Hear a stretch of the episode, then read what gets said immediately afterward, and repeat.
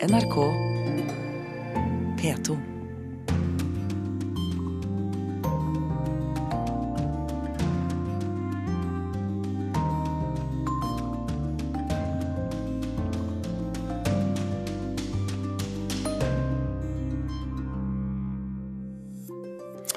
Viggur er i Studio 51 på Marienlyst, har passert 11.00 med 20 sekunder. Du hører altså på NRK P2. Programmet er Urix på lørdag, og datoen er 1. august. Og dette er sendingens meny. Vår reporter har besøkt Jungelen, slumbyen utenfor Calais, der tusener forsøker å komme seg over til kanalen til det forjettede land England. Tyrkiske fly har vært på vingene denne uken og bombet mål i nabolandene. Men er kampen mot IS i Syria bare en dårlig kamuflert avledningsmanøvre for å kunne bombe kurdere i Irak? Det er ett år til de to store amerikanske partiene velger sine presidentkandidater, men allerede nå er valgkampen preget av skittkasting og smakløse kommentarer. Det imperialistiske kappløpet om Afrika ble endelig avgjort i 1884, altså ingen nyhet, men i vår tid har det vært mye snakk om USA og Kinas rivalisering på kontinentet. Vi skal høre om Indias og Brasils rolle i dette nye kappløpet. Dessuten skal vi snakke med lederen i Nei til atomvåpen i anledning 70-årsdagen for Hiroshima-bomben til uken, samtidig som 1300 forskere har diskutert kunstig intelligens i Buenos Aires, fritt oversatt i militær sjargong drapsroboter. Hilde Restad er gjest i studio i løpet av denne sendingen, og korrespondentbrevet er poststemplet Knife River, Minnesota, og kommer altså fra USA. Det er innholdet i de neste 55 minuttene i Urix på lørdag. Denne uka har vi sett tusenvis av migranter som natt etter natt forsøker å komme seg fra Frankrike til England som blindpassasjerer på togene som går under Den engelske kanal. I den provisoriske brakkebyen i Calais bor det nå 3000 mennesker fra annet Somalia, Sudan, Eritrea, Etiopia, Syria og Afghanistan. De er overbeviste om at England er det forjettede land. Men vår reporter i Calais, Guri Nordstrøm, har møtt en som har klart det de alle drømmer om, og som nå er tilbake igjen i Calais med dårlig nytt i bagasjen. It was my big wish to see again jungle because here was a very bad situation. Det var mitt store ønske å se jungelen igjen, sier sultan Mohammed Shizad. 23-åringen fra Afghanistan er tilbake på gamle trakter. Her i den lille nordfranske byen Calais bodde han i seks måneder. I leiren som bare kalles Jungelen.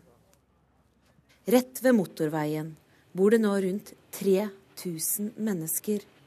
Fra Somalia, Sudan, Syria, Eritrea, Etiopia og Afghanistan. I fillete telt, under sprukne presenninger og med søppel overalt. Det eneste her som minner oss om at vi er i Frankrike, at vi faktisk er i et velstående vesteuropeisk land, er trikoloren som noen har heist over det ene teltet.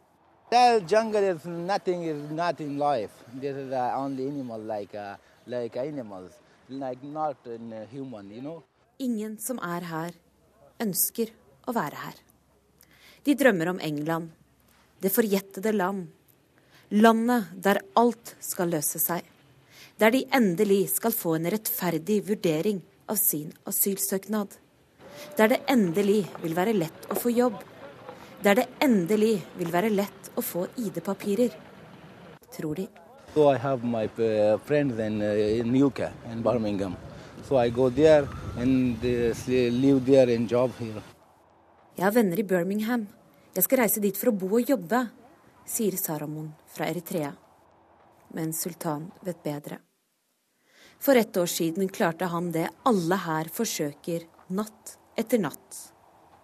Han klarte å komme seg gjennom tunnelen under Den engelske kanal og inn til England. There's the full, you know, tunnel. I jumped uh, from a tunnel to the car, and car going to inside the train. Yeah. Then I passed. Så gikk tiden. Men ingen ID-papirer kom. Ingen oppholdstillatelse. Ingen lovlige jobber. Bare beskjeden om at han ville bli sendt tilbake til landet der han først hadde søkt asyl, nemlig Italia. England know that there is a bad situation as well. They don't accept people in England. Og det er dette han nå vil fortelle til sine gamle venner her. Nå som han er tilbake i leiren. Han vil slå hull på luftslottet England. Men her er det ingen som vil høre.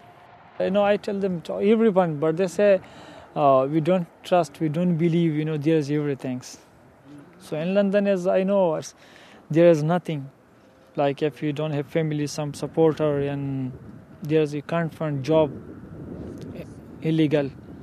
So illegal, they're very hard life. They don't believe, they don't trust. They say we will, we need to go. We need to England. We work. There is everything, but they don't trust. They don't believe. So they still don't believe. Sultan har bare satt av tre dager til misjoneringen på gamle trakter.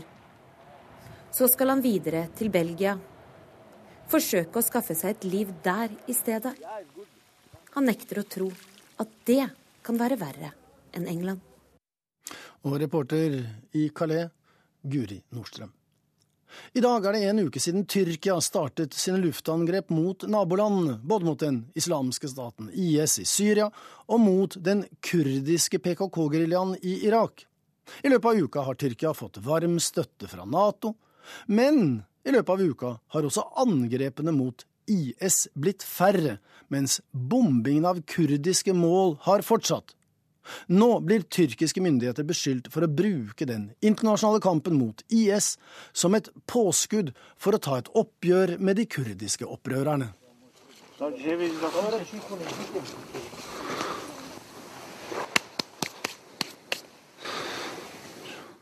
Et tre med røttene i været, et rykende krater i bakken, ei åsside med utbrente telt og hytter.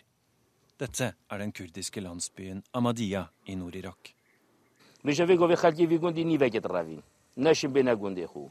Razid mahami vegove samaqet omona peva. Agar barbu galak arda.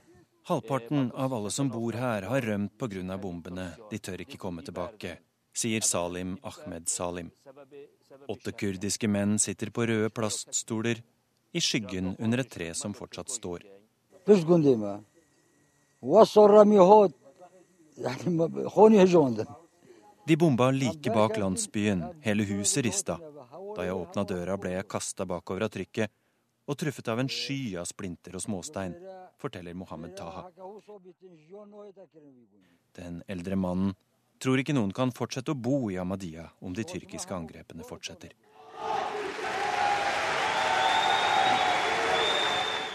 I nasjonalforsamlingen i Ankara blir statsminister Ahmed Davutoglu møtt med jubel og applaus når han går på talerstolen for å redegjøre for luftangrepene mot PKK i Nord-Irak. Dalga dalga gelen operasyonlarla PKK'nın Kuzey Irak'taki bütün üsleri, yığınakları, mühimmat depoları, karargahları Med en bølge av angrep har vi rammet alle basene og våpenlagrene deres. Oppdrag utført, sier statsministeren fra det regjerende AK-partiet.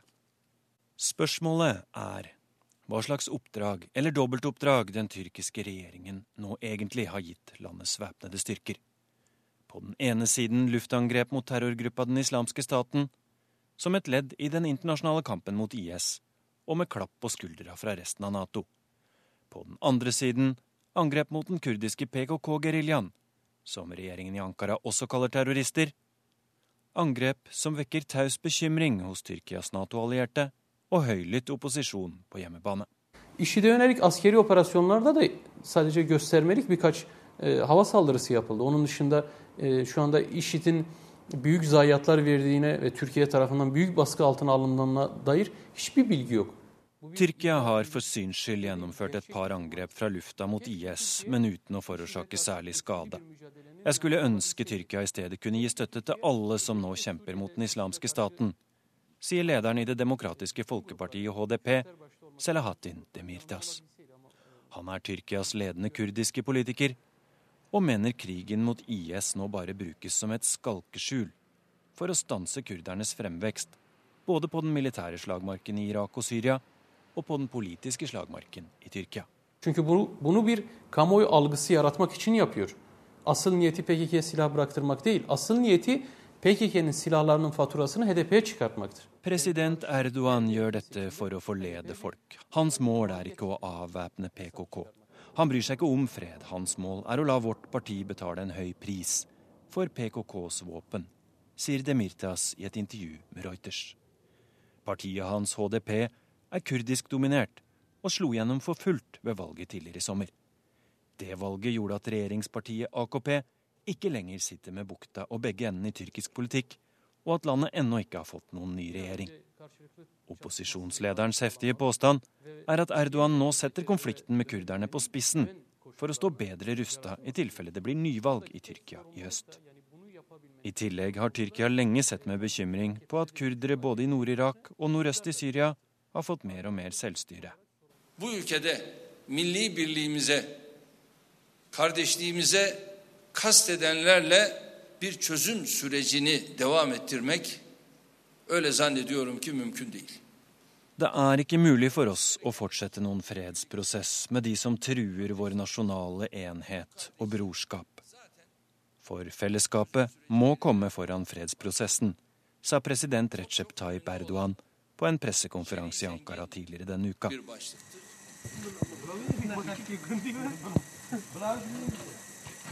Dermed ser det ikke så lyst ut akkurat nå for den spede bønnen fra Salim Ahmed Salim oppe i fjellsidene i de kurdiske områdene lengst nord i Irak.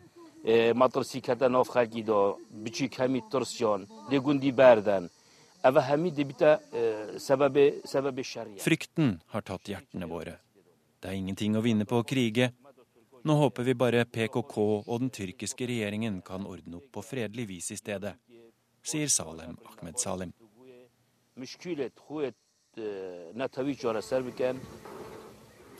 Og Tyrkia-reporter, det var Tore Moland.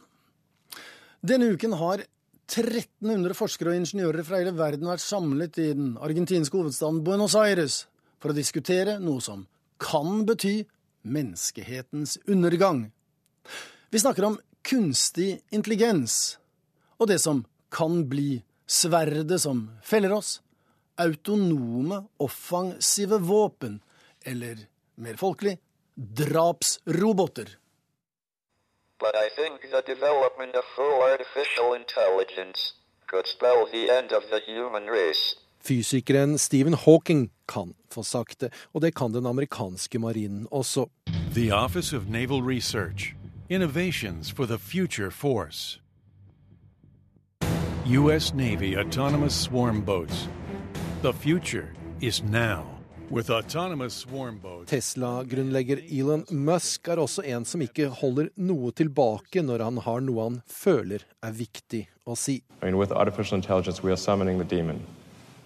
You know, you know those stories where there's the guy with the pentagram and the holy water. and He's like, yeah, you sure you can control the demon? It Didn't work out.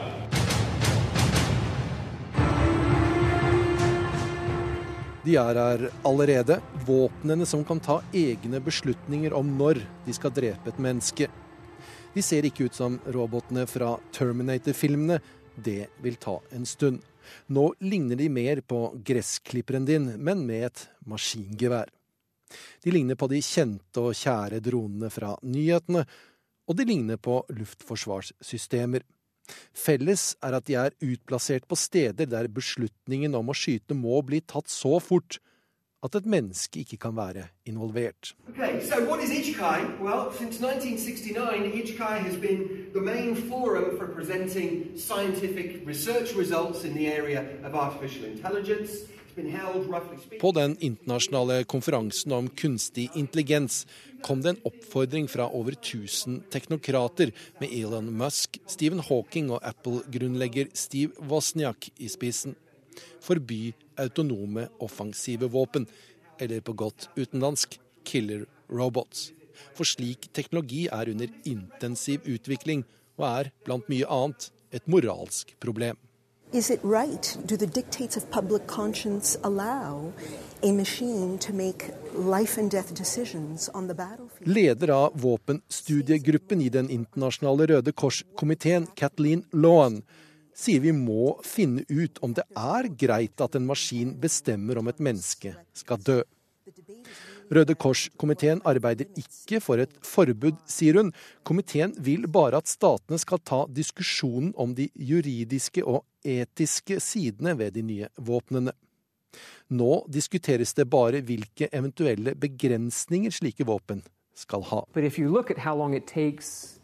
From, for example, horror over chemical weapons to an actual treaty, horror over biological weapons to an actual treaty, uh, it seems to be on the order of 60 to 70 years. Professor Stuart Russell fra University of California, Berkeley, mener et forbud vil ta lang tid, og at vi derfor må tenke på det nå. Russell er sentral i bevegelsen Stop Killer Robots, og det var han som ga kunstig intelligens-forskerne i Buenos Aires en oppdatering om kampanjen. Og professoren mener noen viktige spørsmål må stilles, bl.a. er autonome offensive våpen egentlig noe nytt? So I, I think this is a very good question. There's generally a tendency to just imagine uh, replacing some current function with an automated version of the same function. And I think this is the, the fallacy in the discussion about autonomous weapons, is that we're assuming that uh, a machine is simply going to replace a human in some decision situation about whether to kill or not kill. In fact, there will be an arms race, and the nature of war will change completely. And the, you know, crudely speaking, the life expectancy of a human on the battlefield will be 10 seconds. Uh, so, is, is this a direction we want to go? I'm not so sure. De som mener professor Russell og hans forbundsfeller overdramatiserer, sier at mennesker alltid vil ha kontroll over de nye våpnene. Det knytter det seg stor usikkerhet til, for mange peker på kraften i publikums prioriteringer. Now with robots, you're going to hear people say, if it saves one American life, Det er radiopersonligheten Michael William LeBron som snakker.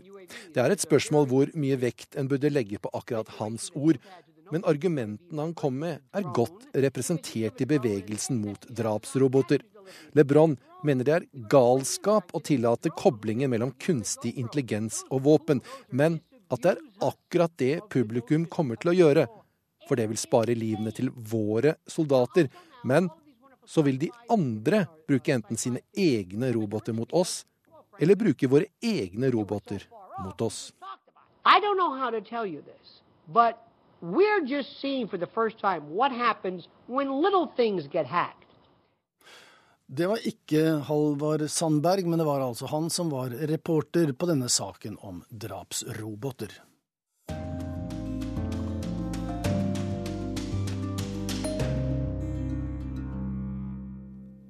Om ganske nøyaktig ett år, i slutten av juli 2016, avholder de to store partiene i USA sine nominasjonsmøter, og da blir det klart hvem som skal kjempe om å bli USAs 45.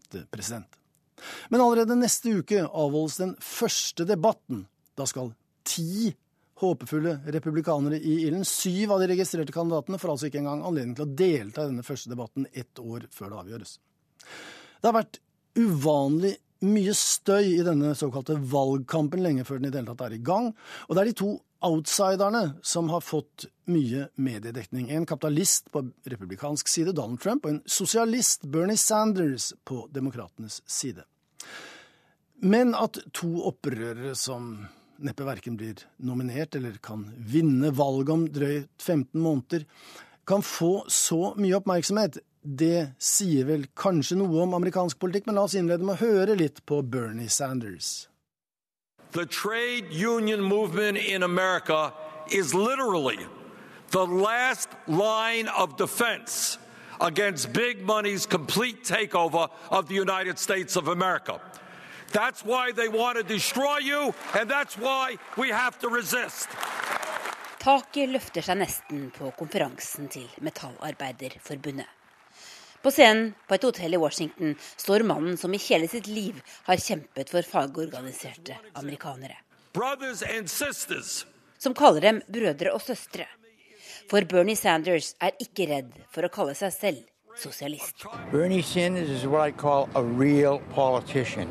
He's what America needs to change the country. I'm very, very proud of him. He's never changed over the years. Han er en virkelig politiker. Han er det vi trenger for å forandre USA, mener Joe Negro, som har vært fagforeningsleder i en mannsalder. Han går for Bernie Sanders i 2016 fordi han er ærlig. Why does nobody else dare speak like him? Because they're politicians. He's genuine. He's a, he's a rarity. He's a rarity. Sanders ligger bedre an på meningsmålingen enn de fleste hadde ventet. Og denne uka samlet han 100 000 mennesker til 3500 grasrotsamlinger på samme dag rundt om i landet. Han engasjerer mange av dem som støttet Obama i 2008. Men han sliter med å fenge de svarte, og uten deres støtte kan han vanskelig slå Hillary Clinton.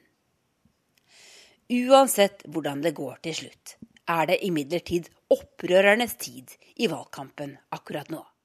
We're talking about a 40 year collapse. Han gjør opprør mot henne som snakker for de små, men lever som de store.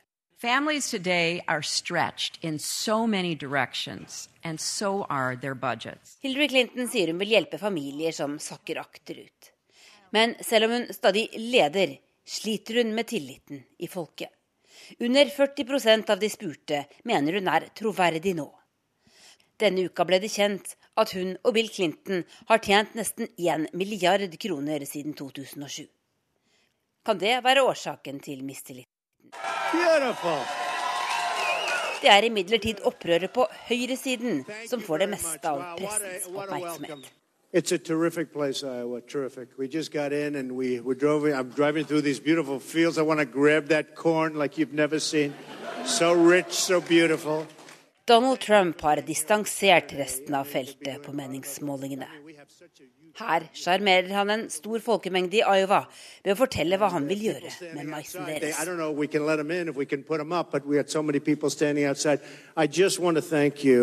Deretter hamrer The Donald, som han kalles, løs på alle de andre republikanske kandidatene.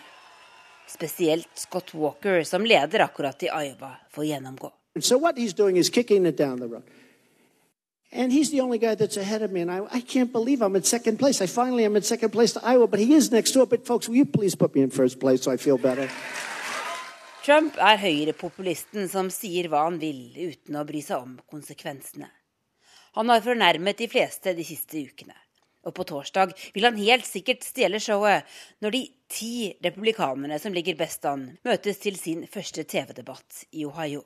Should I win this election, you won't find me deferring to the ways of Mount Washington.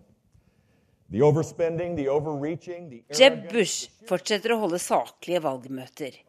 Og blir av debatteksperter rådet til å overse angrepene som vil komme fra Trump på torsdag. Men det alle spør seg om er hvor langt kan Donald Trump nå? Og kan han komme til å stille som uavhengig kandidat om han ikke vinner nominasjonen? Ja, det er vår Washington-korrespondent Tove Bjørgaas som spør, men eh, førsteamanuensis ved Bjørknes høgskole her i Oslo, Hilde Eliassen Restad, du skal få lov til å svare. Hvor langt kan Donald Trump nå? Det, det er alle de andre republikanske kandidatene sitter og spør seg sjøl nå. Eh, men det er klart at når, han kan jo for så vidt nå veldig langt, fordi han har masse penger. Så han er ikke avhengig av andre donorer som de aller fleste andre kandidatene er. Så, så lenge han ønsker å gi av sine egne penger, så kan selvfølgelig han fortsette. Men så kan man jo se for seg at det Donald Trump ser jo ut til å være veldig interessert i oppmerksomhet om sin egen person. Eh, Når det er positiv oppmerksomhet. Han er veldig opptatt av negativ oppmerksomhet og er kjent for å skrive brev og mailer og notater til journalister som skriver dårlige eh, storyer om han i media. Så hvis han etter hvert begynner å for eksempel, hvis han holder så lenge som til januar og februar og begynner å tape de her nominasjonsvalgene, så tror jeg kanskje ikke det er så morsomt for han lenger. Det kan bli en eh, Donald-slitasje. Helt klart. Eh, og det er jo også sånn at det er veldig mange andre i det republikanske feltet som også appellerer til de velgerne som Donald Trump appellerer til nå. Eh, og hvis Donald Trump sier, fortsetter å si litt rare ting, som han jo har gjort en stund nå, så kan det jo være at de etter hvert forsvinner over til andre kandidater. Men du, dette med å skjelle ut eh, med altså partifeller som riktignok er konkurrenter, da, men går det hjem seriøst hos amerikanske velgere? Det går jo Det er populært blant dem som er veldig lei amerikanske politikere, og lei DC og lei det så, såkalte The Establishment. Det har jo tidligere vært Ted Cruz sin spesialitet. Ted Cruz har jo blant annet nylig kalt en av sine kollegaer i Senatet for en løgner. Eh, så det er for så vidt Ted Cruz og Donald Trump eh, er veldig kjent for å bedrive sånn her type taktikk. Men det er jo, og det er klart at for folk som har politikerforakt, så er det populært. Men ikke i resten av partiet. De to, blant andre, pluss åtte til skal altså diskutere. For vi regner jo med at Donald Trump og Ted Cruz er blant de ti som blir godkjent for å få lov til å være med i debatten.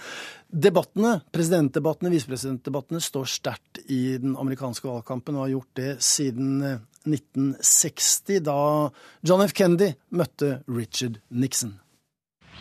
In this, the first discussion in a series of four uh, joint appearances, the subject matter has been agreed will be restricted to internal or domestic American matters.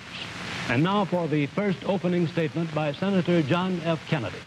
Og mens vi er i gang, så kan vi kanskje ta den replikken mange mener er den beste også fra disse debattene. da Den eh, republikanske visepresidentkandidaten Dan Quayle i 1988 påberopte seg erfaring av den eh, John F. Kennedy hadde i 1960. Men da sa den demokratiske visepresidentkandidaten Lloyd Benson. Senator, I served with Jack Kennedy. I knew Jack Kennedy. Jack Kennedy was a friend of mine. Senator, you're no Jack Kennedy.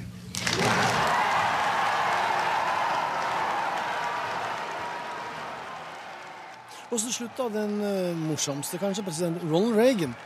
I 1984 var han allerede 73 år gammel, den eldste presidenten USA har hatt, og klar til å søke fire nye år. Mens hans uh, motstander, tidligere visepresident Walter Mondale, var kun 56 år. Da hadde Reagan denne kommentaren. I will not make age an issue of this campaign. I am not going to exploit for political purposes my opponent's youth and inexperience. Dette var jo både morsomt og eh, slagferdig, eh, men etter hvert så er jo dette blitt særdeles velregisserte show. Betyr de noe for velgerne, for utfallet av valget? Det er akkurat det, fordi nå hørte vi eh, et par eksempler på ting som kan ha vært utslagsgivende. I 2008 så prøvde Gallup å finne ut av det her, om presidentdebatter faktisk har noe langvarig effekt i meningsmålingene. Og de fant jo ut at egentlig så har det ikke det. Gjør man det veldig bra, så kan man få en midlertidig lite oppsving i meningsmålingene. Men etter hvert så vil jo andre ting ta over, og andre ting vil bli viktige, og så vil det være en ny debatt, og så vil den andre personen gjøre det bedre. Eh, bortsett fra 2000 antagelig, da Al Gore gjorde det veldig dårlig på den måten at han ble sett på som veldig arrogant, for han drev og sukka og stønna hele tida hver gang George W. Bush snakka, og 1960, når vi hørte nå eksempler fra Richard Nixon og, John F. Kennedy. Så debatter for så vidt antageligvis har ikke så mye å si. Selv om vi gir dem mye oppmerksomhet. Men de kan jo likevel være veldig minneverdige, sånn som vi hørte her Donald Reagan, Ronald Reagan som jo var kjent for sitt gode humør og, og sine kjappe replikker. Men til uken skal det altså være 17 republikanere, og bare ti av dem får lov til å delta. Og utvalgskriteriene er litt uklare, og det er en fjernsynskanal som skal velge de ti. Noe udemokratisk, kanskje, men de sju som da blir vraket allerede før det hele har begynt, de har ikke en sjanse. Jo da, og de blir for så vidt ikke vraka, fordi det Fox News skal gjøre på torsdag, er at de skal ha to debatter. De skal ha A-lagsdebatten som kommer i prime time, som da er de ti som når opp i de nasjonale meningsmålingene. Og så skal det være en B-lagsdebatt tidligere på ettermiddagen, som da du får de her resterende stakkars syv. Og det er klart at i det, den debatten tidligere på dagen, så er det jo mange seriøse kandidater. Og i det A-lagsdebatten i primetime så er det jo en del ikke-seriøse kandidater, som f.eks. Donald Trump. Så man må vel bare se på det kanskje som en ja, kanskje, kanskje underholdende, kanskje informativt, men at den skal bestemme så mye akkurat denne debatten, det vet jeg ikke. Vi sier midlertidig takk til Hilde Restad, for vi skal ta et langt skritt i prinsippet 70 år tilbake i tid. For i neste uke er det 70 år siden USA brukte atomvåpen mot Japan. Little Boy kalte de bomben som ble sluppet over byen Hiroshima for å få en endelig slutt på annen verdenskrig. Vi har lang tradisjon her i NRK på å dvele ved slike historiske merkedager, så la oss lytte til Albert Henrik Moen, som i 1950, altså fem år etter den fjernfysiske sprengladningen over Hiroshima, lagde et tilbakeblikk etter et besøk i ruinhaugen. Det var natt da vi gikk av toget i Hiroshima for å undersøke hvorledes en atombombet by lever fem år etter regnbuelynet la storparten av den i ruiner og aske. Det var en kald natt med mange stjerner over den provisoriske stasjonen, og en liten, bleik stasjonsvakt tok oss inn i skuret sitt og lot oss varme hendene våre over en koksgryte.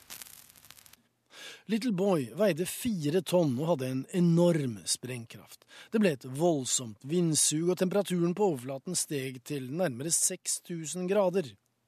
Da Albert Henrik Moen besøkte Hiroshima, forsøkte kreative bombeofre, altså de som overlevde, å tjene en slant på sin misere. De solgte krigssuvenirer, bombemerket stein, rett fra krateret. Steiner som en gang har vært radioaktive, og litt for smarte japanere som forsøker å selge disse steinene med samme utspekulerte veltalenhet som deres kolleger i Jerusalem en gang forsøkte å sette fliser av Kristi kors, karakteriserer i dag atombombens nedslagssted i Hiroshima. Men de menneskelige lidelsene var også åpenbare. Albert Henrik Moen forteller om en fortvilet far som på en grotesk måte forsøker å hjelpe sin datter. En bleik, åtte års gammel småpike ble vist fram av en stolt far som hevdet at barnet hans innehadde verdensrekorden når det gjaldt underskudd på hvite blodlegemer. Småpiken sa ingenting. Hun forsøkte å trekke de bare føttene sine inn under kimonoen, mens hun stirret apatisk ut mot silhuettene av ruinene. Da sier vi velkommen i studio til eh, avtroppende leder i Nei til atomvåpen, eh, Anne Gerd Grimsby Haarr. Vi hører her om eh, 100 000 underskrifter om kanskje mange som 15 000 på møtet. Det var debatter i Stortinget og debatter på fjernsynet. Hvor er atomvåpendebatten i Norge i dag? Det er jo ikke tvil om at det var et helt uh, fantastisk engasjement og en stor mobilisering i løpet av den kalde krigen. Uh, det som skjedde da den kalde krigen tok slutt, det var at det kom en sånn vind av optimisme uh, over folk. Og man så at nedrustningen skjøt fart, og at man trodde at nå kom det til å gå riktig veien. Og så ble det ganske stille rundt atomvåpensaken i noen år, før man skjønte at hei, her er det ikke Her har vi fortsatt en lang lang vei å gå.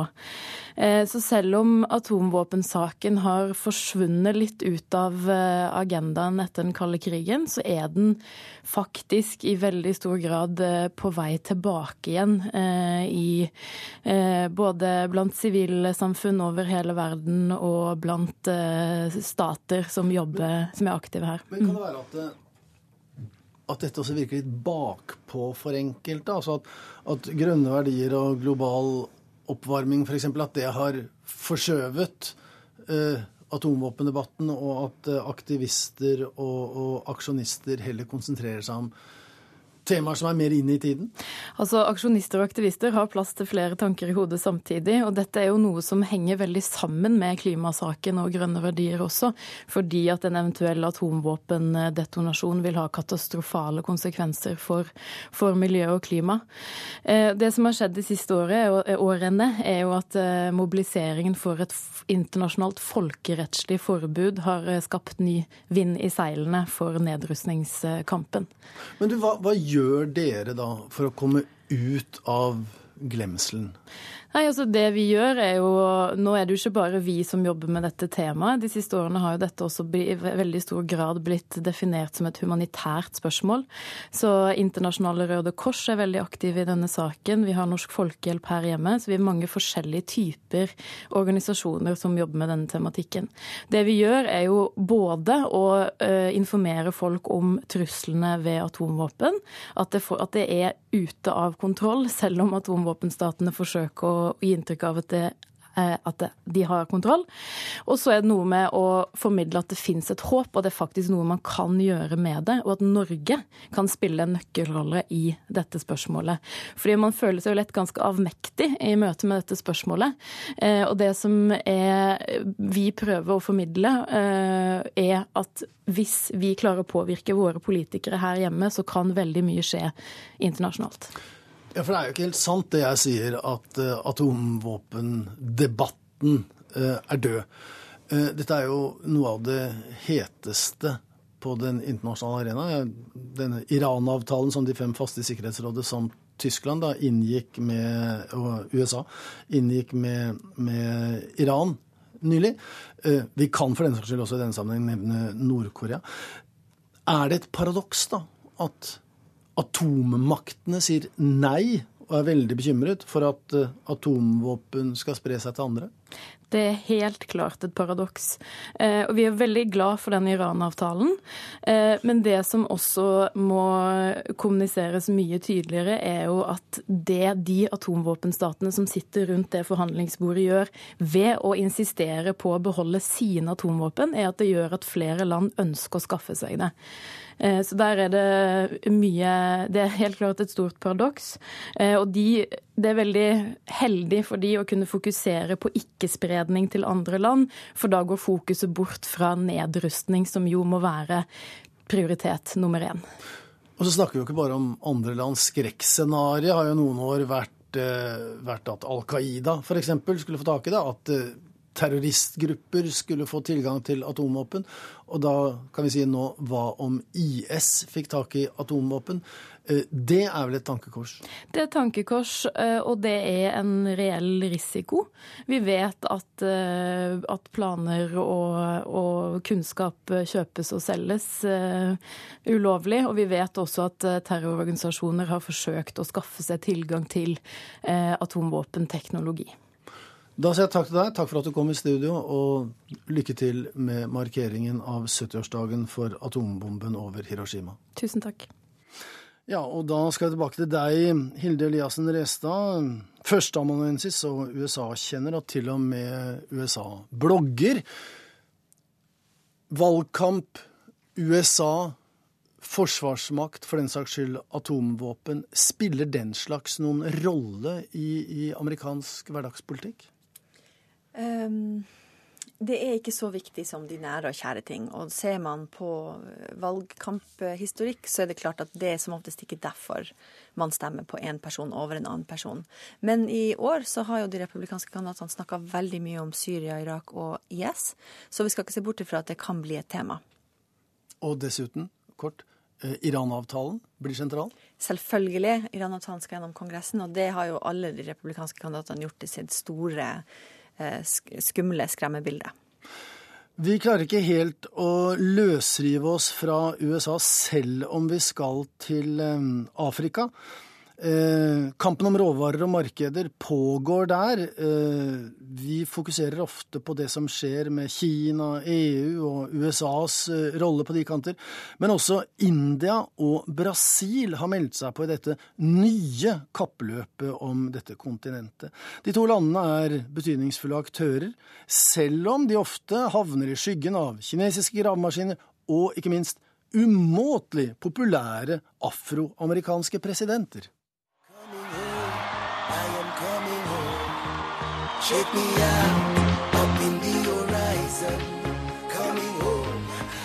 Småjoggende kommer han inn på Kenyas største stadion, akkompagnert av en sang om den heimvendte sønnen. Barack Obama smiler og vinker til publikum. Han er på heimebane. Hey.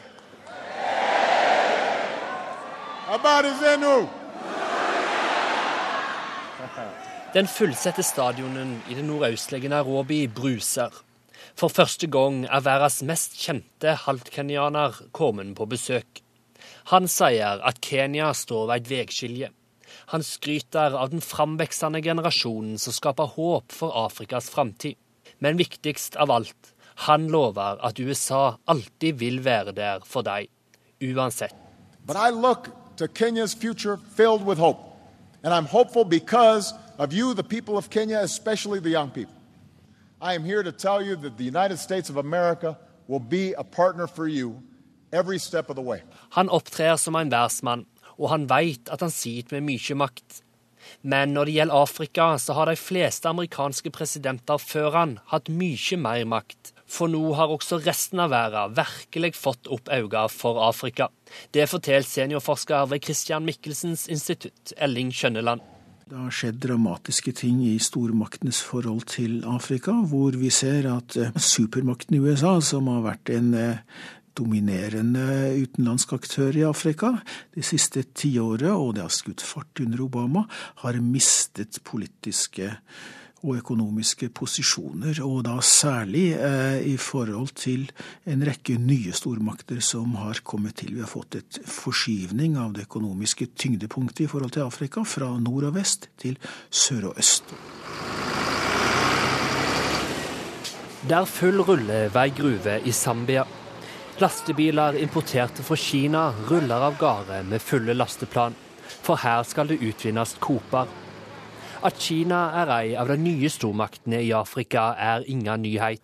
Men i skuggen av kineserne så har også India og Brasil økt sine investeringer kraftig. Det er veldig mye de samme de gjør. Det er eh, i alle disse tre landene. Det er jakt på olje, og det er jakt på offentlige kontrakter eh, og slike ting. For Brasil sin del er det først og fremst de portugisisktalende landene Angola og Mosambik som er investeringsmålet. Medan det for India er Sør-Afrika som er den største samarbeidspartneren. For der bor det halvannen million indere. I tillegg til å investere hver på sin kant, så har også et samarbeid mellom disse landene skapt en ny verdensorden. For BRICS-samarbeidet, bestående av Brasil, Russland, India, Kina og Sør-Afrika, har vist seg å bli slagkraftig. Og i forrige uke lanserte disse landene en ny utviklingsbank som skal konkurrere med Verdensbanken og Det internasjonale pengefondet. Kjønneland tror BRICS-samarbeidet kan få mye å bety for Afrika. Og det er interessant at eh, de har eh, trukket Sør-Afrika, som jo er en lilleputt sammenlignet med de andre, inn i dette samarbeidet. Og det er nok en illustrasjon av at eh, de ser Afrika som et potensielt viktig kontinent i økonomisk forstand, og at nok Afrika kommer til å ha, være i fokus for mye av BRICS-aktiviteten. Og i takt med at utviklingslandene nå sammenligner seg og i større grad samkjører politikk og økonomi, så blir Vestens påvirkningskraft overfor Afrika stadig svakere. Denne utviklinga har de siste åra ført til at afrikanske land og dets ledere stiller sterkere på den internasjonale arenaen. Tidligere så var de stort sett avhengige av å måtte forholde seg til vestlige vestlige stormakter, vestlige selskaper. Eh, nå er det atskillig flere grupperinger som er kommet på banen, og det gjør at afrikanske ledere i større grad kan spille de opp mot hverandre, og at det er vanskeligere for omverdenen å komme med bestemte krav og forsøke på å diktere hva slags politikk de skal føre. Så slik sett så har eh, dette bidratt til å gi i hvert fall afrikanske ledere en sterkere maktposisjon i forhold til omverdenen enn de hadde før. Verden er i endring. Afrika er i endring. Det er venta at kontinentets økonomi vil holde fram og vokse i åra framover.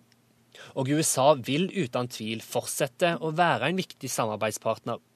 Men selv om Obama sjarmerer de fleste, så er han likevel i ferd med å tape det moderne kappløpet om Afrika. God bless you. Thank you. Asante Sara. Det var Barack Obama. Eh, reporter var Vegard Kjørom. Og eh, Hille Eliassen Restad, dette med å bli mottatt som en helt i utlandet for en amerikansk president, det kan vel ofte virke nærmest negativt. Nå står jo ikke Obama på valg, men i det kommende året vil utenrikspolitikken, utlandet i det hele tatt, spille noen rolle i disse debattene og disse møtene mellom amerikanske kandidater? Det kan det. Eh, vanligvis så gjør det ikke det. Sånn sett så var 2004 og 2008 unntak når man var veldig mye fokus på krigen mot terror og Irak-krigen. Men vi ser jo at de republikanske kandidatene gjerne dreier samtalen over på IS og Iran. Fordi de mener at det eksemplifiserer Obama som en svak sikkerhetspolitisk president. Selvfølgelig så er da implikasjonen at hvis de blir valgt, så vil USA igjen bli sterk. Og man vil ha en sterk leder på, det, det på den internasjonale scenen. For helt til slutt, Cuba er jo på en måte innenrikspolitikk? Cuba har vært innenrikspolitikk i USA veldig lenge pga. de cubanske amerikanerne annet, som bor i Florida. Det er jo i ferd med å endre seg veldig. Og eh, her ser vi jo at eh, Det demokratiske partiet er litt for, eh, frempå heller enn de republikanerne, som kanskje henger litt etter på den saken.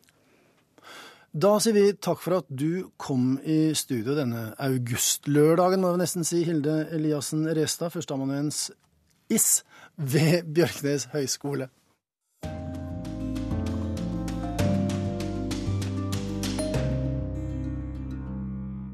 Men vi gir oss liksom ikke i denne timen med USA. Men dette er da et ganske annet eh, innslag om, eh, om det store landet der eh, vest. Og vi har fått et korrespondentbrev. Tove Bjørgaas har nemlig jaktet på norsk kystkultur av alle steder i Minnesota. Kirkeveien, står det på skiltet. Jeg tar til venstre og kjører oppover grusbakken. Det er bare én kirke her, har jeg fått høre. Og da ligger den formodentlig i Kirkeveien. Det er en skyet sommerdag og et friskt drag i lufta. Markblomstene lyser opp langs veien. Og ganske riktig, på toppen av bakken ligger en liten, hvit trekirke som folk er på vei ut av. Knife River Lutheran Church. Jeg går ut av bilen og blir umiddelbart møtt av et hyggelig eldre ektepar. De er på vei hjem fra kirkekaffen som nettopp er ferdig. Men Carol Carlson, er hun her? Det er sommer, og jeg har sendt meg selv ut på veien. Som sommerreporter. Det er et konsept jeg har gode minner fra, og som jeg synes passer godt her i USA. En gang, for det som har rukket å bli 20 år siden, var jeg sommervikar ved et av NRKs distriktskontorer, slik de fleste av oss reportere i statskringkastingen en gang har vært. Det var redaksjonssjefen i NRK Nordland som hadde forbarmet seg over meg. Det hadde han gjort til tross for at jeg er en sviker. Vokst opp i Lofoten, uten et snev av nordlandsdialekt. Jeg kunne høre at han ble skuffet da han hørte riksmålet mitt i telefonen. Men han tok sjansen likevel. Det aller beste med NRKs kontor i Bodø den gangen var sommerreporteruka.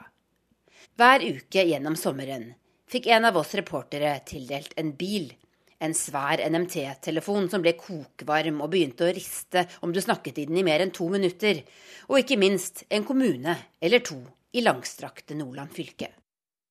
Jeg kjørte rundt i vakre Steigen i uka mi og rapporterte om folk som samlet på rare ting, pusset opp gamle handelssteder eller tjente millioner på lakseoppdrett. Det var vidunderlig å kjøre rundt og stoppe når en så et morsomt skilt, et fint hus eller turister som hadde gått seg bort. Det finnes gode historier overalt. Og nå står jeg altså her, 20 år senere, i en trekirke ved Lake Superior og venter på Carol Ojard Carlson. Hele uka har jeg kjørt rundt i Minnesota. Planen er å lære litt mer om norsk-amerikanere, som jeg vel må innrømme at jeg har hatt en litt stereotyp oppfatning av. Men nå står den for fall. I løpet av uka har jeg møtt tenåringer som snakker flytende norsk, selv om de aldri har vært i landet vårt. Jeg har spist morsomme norske lefsesmørbrød med pesto og kalkun, og drukket litervis med svart kaffe. I Minnesota drikker de visst kaffe til alle måltider. Og den er god. Og svart.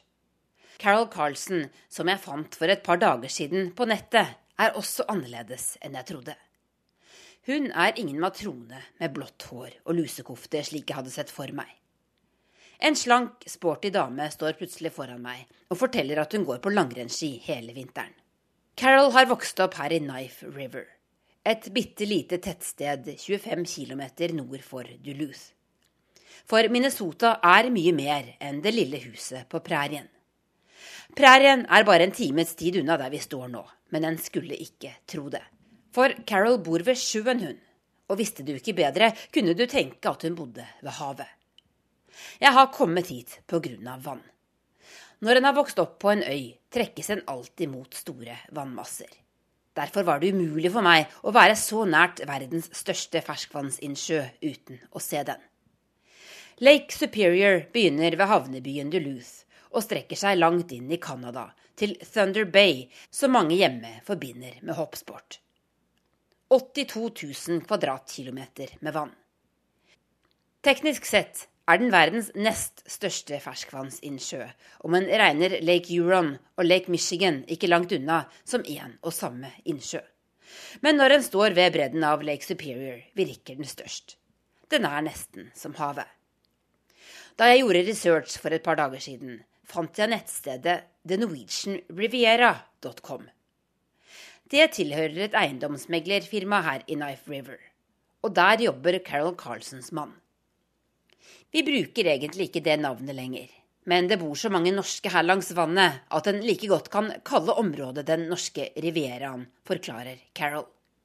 Skjønt riviera. Landskapet ligner egentlig mer på det du vil finne ved en norsk fjord. Bartrær, svaberg og klipper som stuper ned mot sjøen. Jo lenger nordover du kjører, jo villere blir naturen. Jeg kommer fra havet, forklarer Carol. Jeg føler en veldig sterk tilknytning til det. Om jeg ikke bodde her, ville jeg nok ha bodd i Lofoten. Lofoten? spør jeg, og forteller at det er der jeg kommer fra. Jo, i Lofoten har hun vært to ganger. Hun måtte jo tilbake til besteforeldrenes rike. Det var fra Lofoten bestefaren hennes dro på slutten av 1800-tallet. Fiske sviktet, de hadde ikke mat, de spiste bare poteter, forklarer Carol. Bestefaren kom hit til bredden av Lake Superior. Det var perfekt for fiskeren.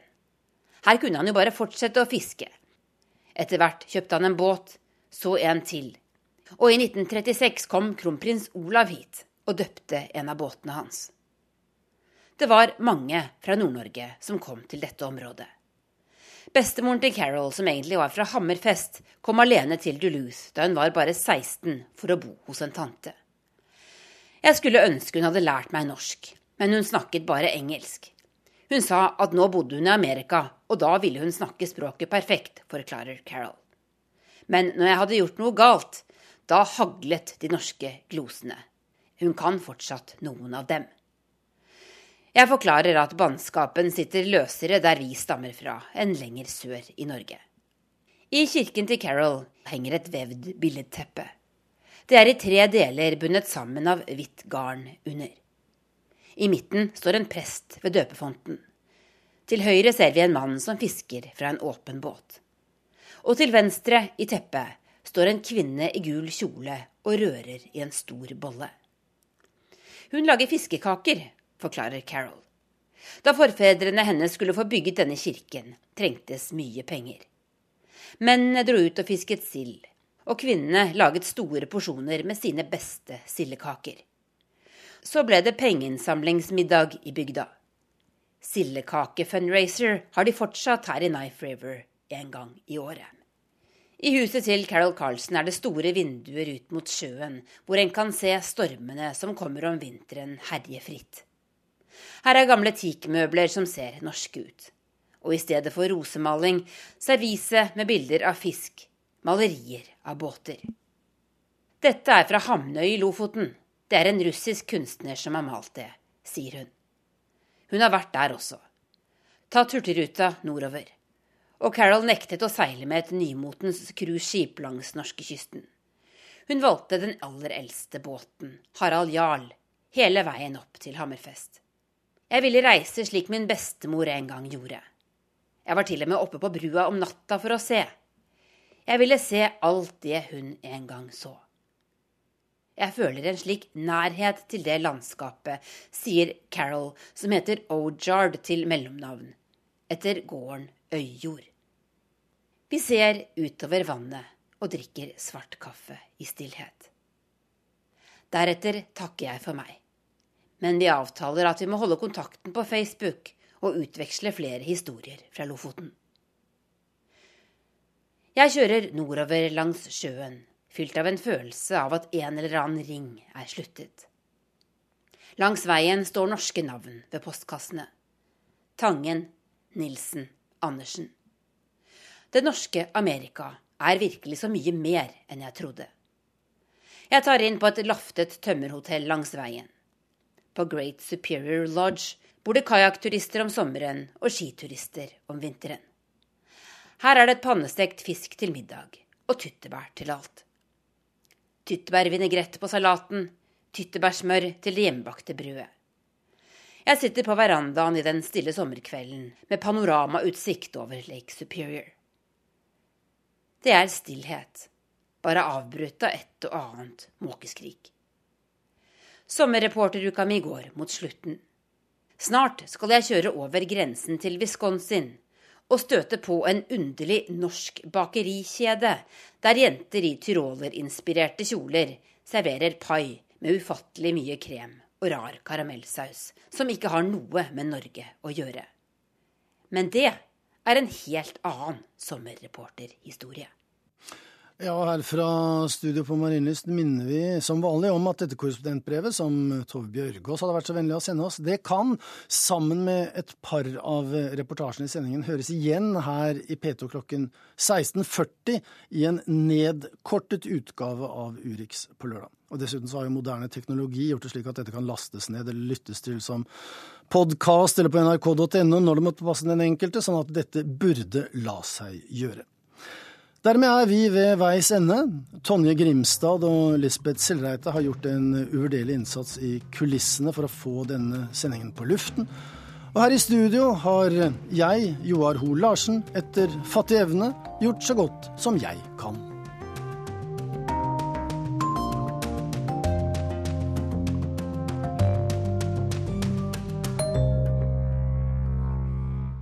Hør flere podkaster på nrk.no podkast.